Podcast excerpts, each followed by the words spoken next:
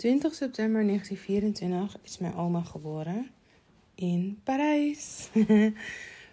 de, de stad van de liefde is mijn oma geboren ehm, en daarom hou ik ook zo van Parijs. Um, meld je trouwens aan voor de workation naar Parijs. Uh, ik zal even de link in de show notes zetten. Love to see you there. Er zijn nog drie plekjes over. Mm, even zien. Waarom vertel ik dit? Ik verwerk sinds dit jaar, sinds deze zomer eigenlijk, verwerk ik uh, eh, 1924 in mijn prijzen. En vooral het uh, cijfer 24. Als een soort van eerbetoon aan mijn oma. Um, omdat uh, ja, mijn oma was een heel belangrijk persoon in mijn leven. Mijn, oma is geboren dus in 1924 en ongeveer vijf à zes jaar later uh, zij, zijn uh, zij en haar ouders en haar broer vertrokken naar Frans-Guyana. Um, omdat haar ouders ziek waren en waarschijnlijk hadden ze tuberculose.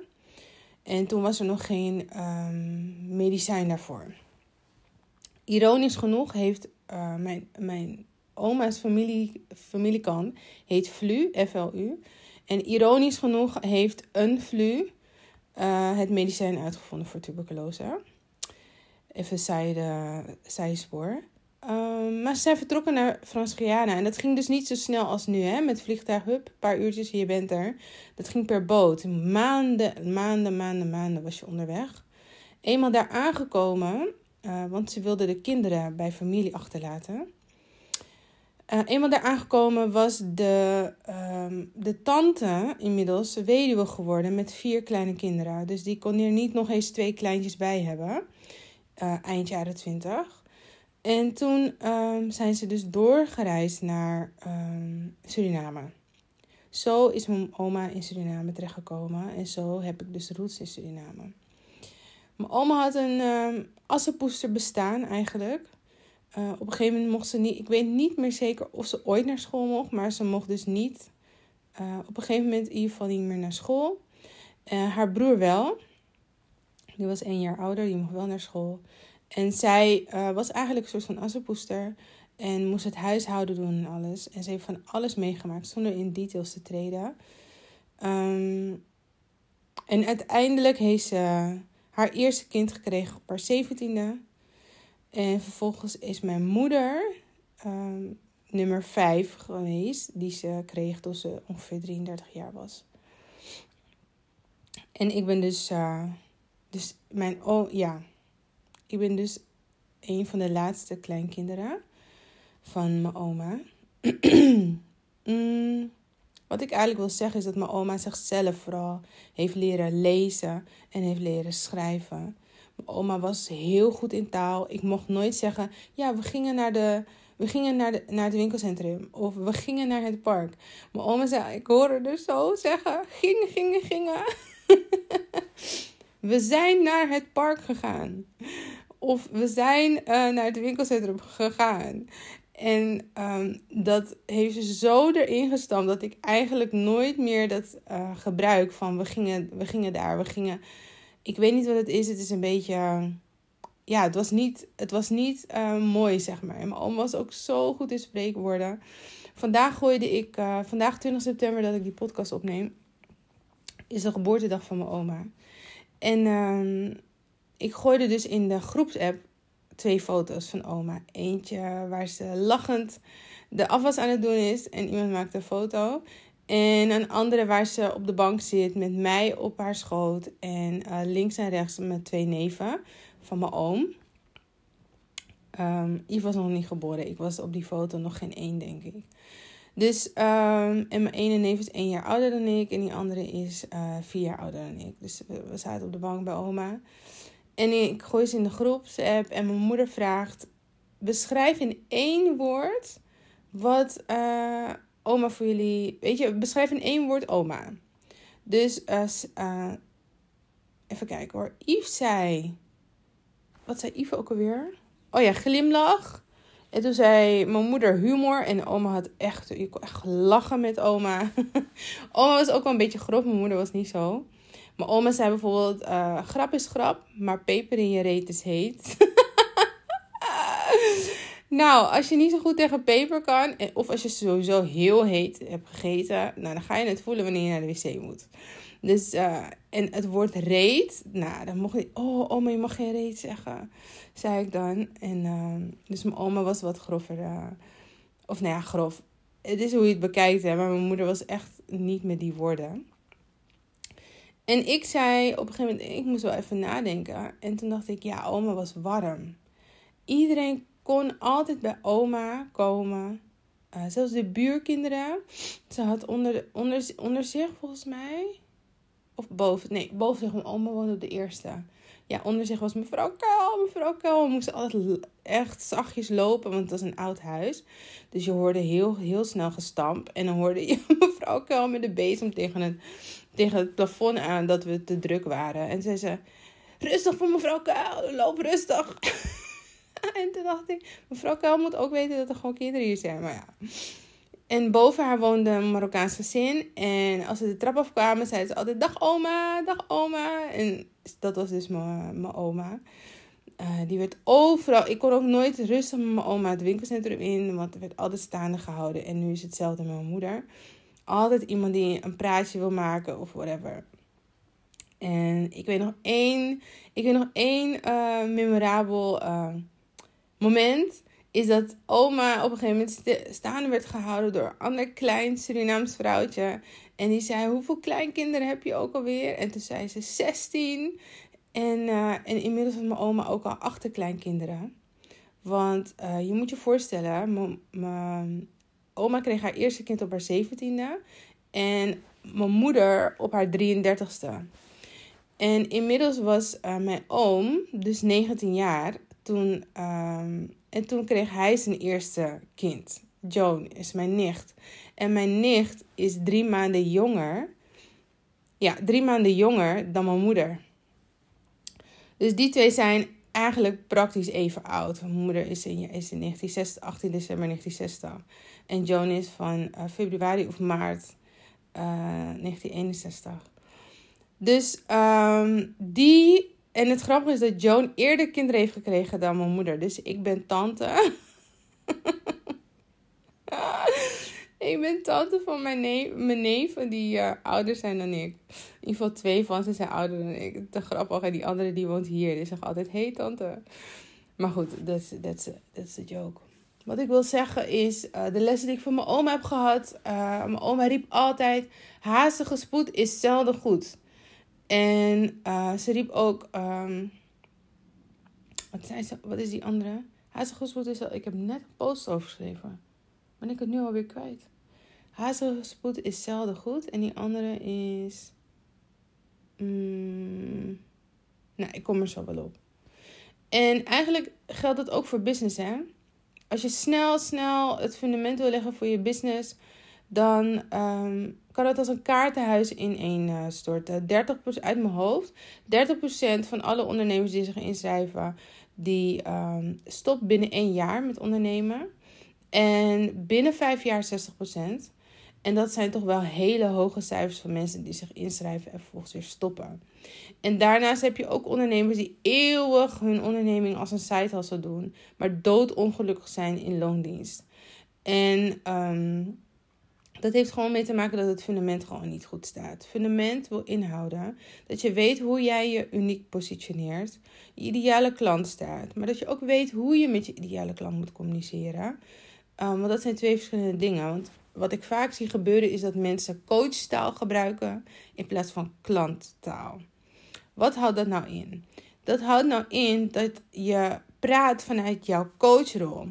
En om een voorbeeld te geven is. Um, als je totaal geen kennis hebt van een onderwerp, bij wijze van, of iets dergelijks, dan heb je je eigen manier om iets uit te leggen. Bijvoorbeeld, ik heb totaal geen kaas gegeten van hoe een auto helemaal van binnen werkt. Ik kan auto rijden, ik kan olie vervangen, al die dingen. Maar hoe die helemaal werkt, ja, dat weet ik niet. Dus ik weet wel dat er ergens een koppakking zit. Maar dat komt omdat die ooit doorgebrand was in een van mijn hele oude eerste auto's. Uh, maar vraag me niet waar dat ding moet. Ik weet wel dat het een dun plaatje is. Ik dacht, waarom is dat ding zo duur? Maar hoe het precies functioneert, dat weet ik niet uit te leggen. Uh, maar een monteur weet het wel uit te leggen. Heel technisch zelfs misschien. Maar die moet het op mijn niveau uitleggen. Van joh, als je dit niet vervangt, dan rijdt die auto gewoon niet. Simpel. Um, en ook is het zo. Ik kan natuurlijk. Uh, wat er dan gebeurt trouwens. Ja, dit is het. Wat er gebeurt als je koppakking doorbrandt, dan gaat je auto roken aan de achterkant. Witte rook komt er dan uit. Dus ik ga naar de dealer of naar de garage of whatever. En ik zeg: Mijn auto. Uh, in, uit de uitla uitlaat komt witte rook uit de auto. Maar dat is niet het probleem, die witte rook. De witte rook is het gevolg. Dat is wat ik zie. Maar de monteur weet dat het probleem zit in de, onder de motorkap bij waarschijnlijk de koppakking of whatever. Hij ziet het, maar hij kan dat niet tegen mij zeggen van, ja, uh, hij kan niet zeggen van, bijvoorbeeld online, hey, heb je ook problemen met je koppakking? Nee, ik weet niet of ik problemen heb met mijn koppakking. Ik weet alleen dat er witte rook uit mijn auto komt. dus ik hoop dat je dit zo begrijpt. Je moet het zien wat de klant ziet en waarneemt of denkt dat het probleem is. Dan moet je belichten. En vervolgens, als je de aandacht hebt van de klant, wanneer de klant binnen is, ga je zeggen: joh, het ligt niet aan de rook. De rook is het, slechts het gevolg van het niet onderhouden van jouw auto. En daar en daar en daar, daar is onderhoud nodig. Dat is hoe je leert te communiceren met je ideale klant. En vervolgens, ik heb het, de business aanschool opgedeeld in drie uh, fases. Dus het eerste fundament is dus hè, positioneren ideale klant. Tweede is strategisch aanbod, prijzen en waardebepaling.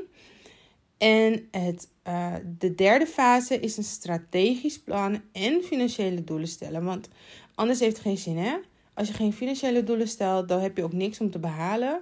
En als je dan geen strategisch actieplan aanhangt, ja, hoe ga je ze dan überhaupt behalen? Dus, en ik ben ooit begonnen met mensen te helpen met, een, uh, met hun prijzen en hun waardebepaling. Maar ik deed eigenlijk veel meer, kom ik achter. Ik deed eigenlijk al in mindere mate van wat ik nu doe. Um, hen helpen met zich positioneren. Want ik ging altijd uitvragen van wat geef je? Wat maakt jou uniek? Hoe doe je het anders? Waarom zouden ze bij jou komen en niet bij die ander? Want ik bedoel, iedereen is een... Laat zei iemand het. Iedereen is een moeder doet dit. Iedereen is een moeder. Ik moest zo lachen. Is zo blijven hangen. Er is inderdaad niks nieuws onder de zon. Zoveel business coaches, zoveel masseuses, zoveel pedicures, zoveel life coaches, mindset coaches, uh, financiële budget coaches, zoveel. Maar hoe zorg je ervoor dat de klant voor jou kiest? Dat moet, dat kan en alleen, dat moet, nee, moet niet. Dat kan alleen als je jezelf zodanig positioneert dat ze echt voor jou kiezen. En hoe doe je dat? Door gewoon jezelf te zijn. Het is zo bevrijdend. Wees gewoon jezelf. Dan trek je ook mensen aan die een beetje op je lijken. En het grappige is, als ik nu het huiswerk check van mijn klanten en de fun facts check, zie ik zoveel herkenbare dingen. Um, dingen waarvan ik zo in het deuk lig. Ik vertel ook vaak dat ik hou van detective series kijken, al die dingen. En sinds ik dat bekend heb gemaakt, zoveel anderen zeggen: Oh, daar hou ik ook van. Ik vind het fantastisch. Ik ga er helemaal op in. Documentaires, al die dingen. En dat is grappig, want daarin voelen ze de connectie met jou. hey, Gerani had ook van die dingen. En als ik bijvoorbeeld deel van, hey, ik heb op hockey gezeten. Nou, heel weinig mensen hebben op hockey gezeten. Maar ze denken, oh, zo leuk. Is echt anders. Gerani is, uh, nou, ze, laat je echt, uh, weet je wel, ze, laat je echt verrassen en zo. Of um, als ik bepaalde memes deel of dergelijke, soms doe ik dat. En dan um, hebben mensen dezelfde humor. En dat is dus je ideale klant. Ik noem het altijd lievelingsklanten. Want um, dan werk je alleen maar met klanten waar je het leukst en het fijnste mee werkt. Zodat je het werken niet een soort van moedje wordt.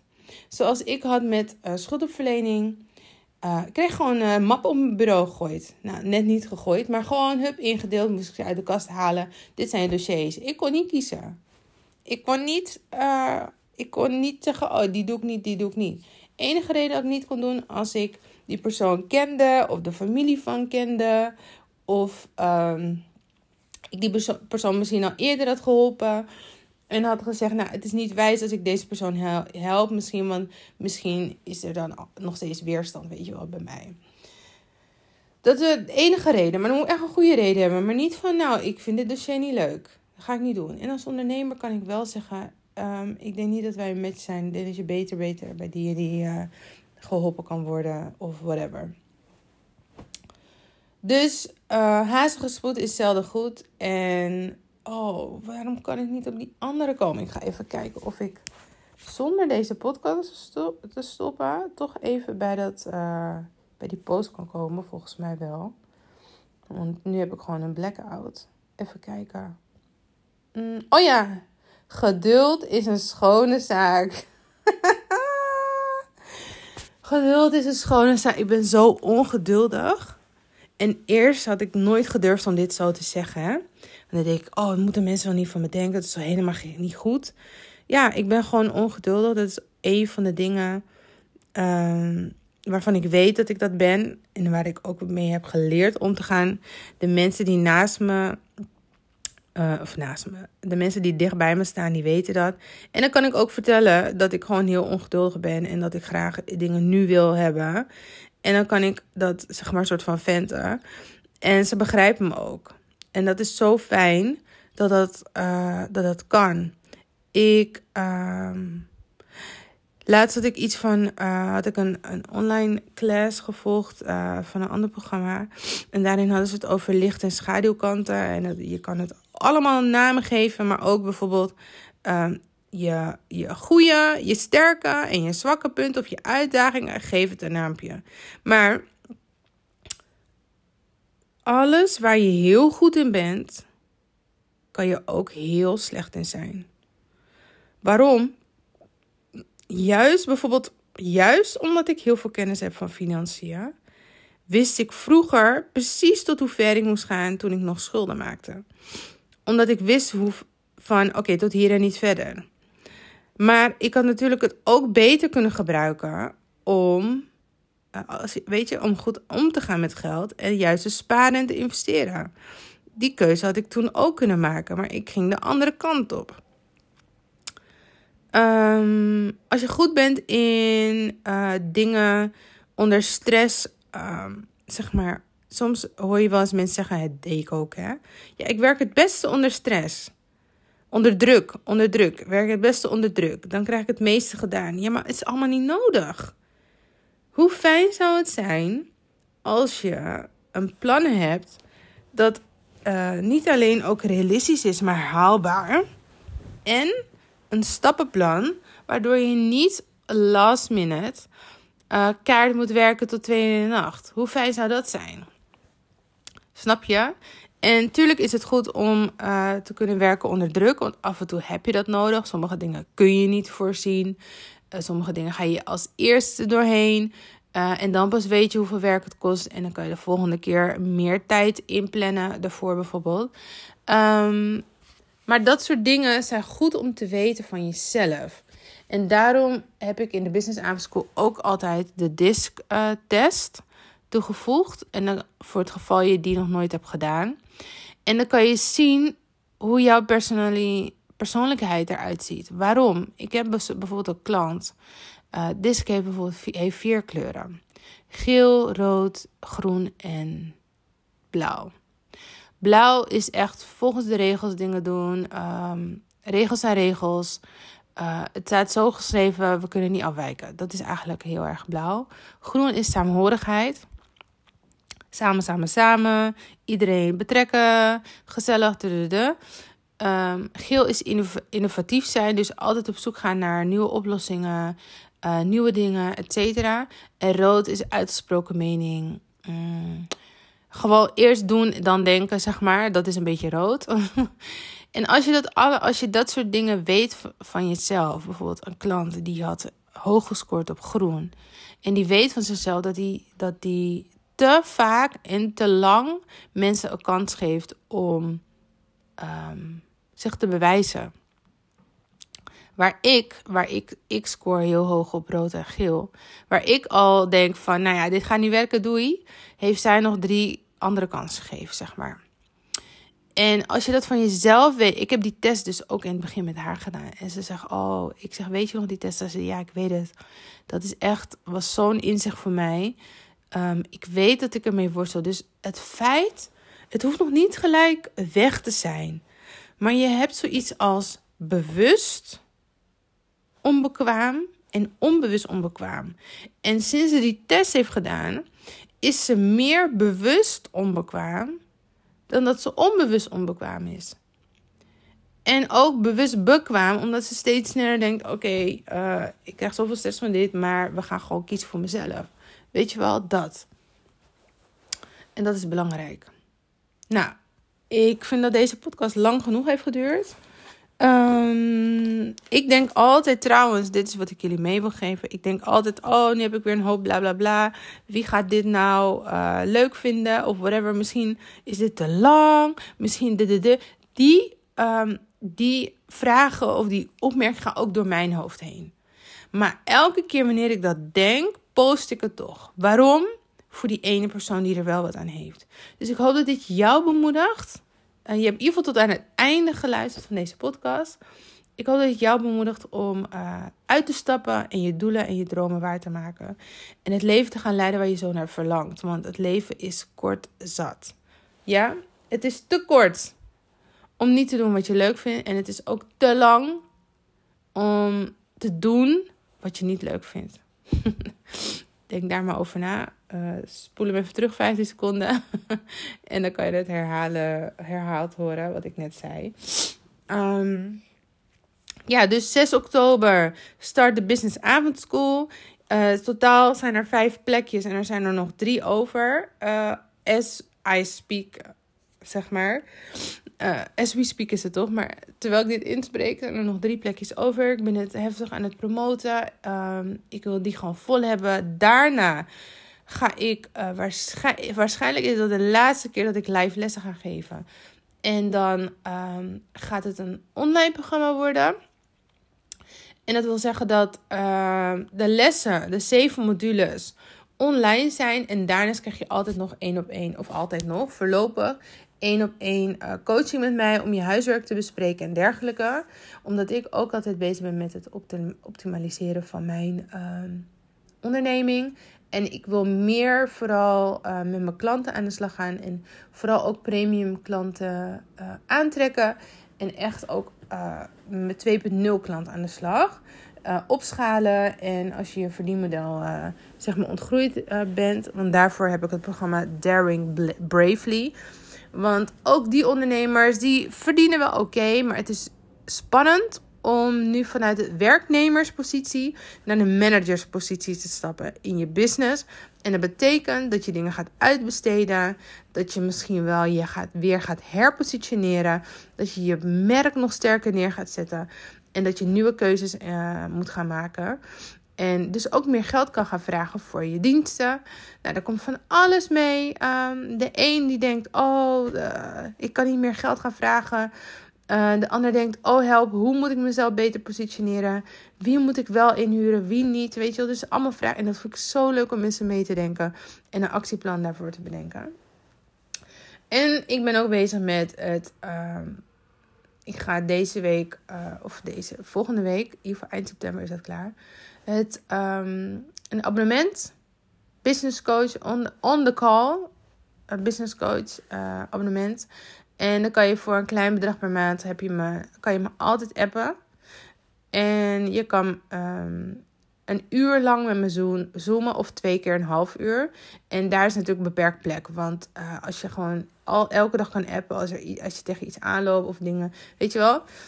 Nou, dat is niet te doen. Dus er zijn maar 10 plekjes voor dat abonnement. Als je dit hoort en je denkt, nou, ik wil dit sowieso, maakt niet uit. Ik ga niet wachten tot het online staat. Stuur me even een DM op Instagram of een mailtje naar hello.gerani.com. Ehm, of pleeg gelijk een discovery call in. Ehm, alles gaat in de show notes. En ik hoop je sowieso snel te verwelkomen als een van mijn nieuwe klanten. Ehm, of een van mijn oude klanten die zich gaat herpositioneren. Nou, Ehm, ik ga het hierbij laten. Een hele fijne dag en doeloe!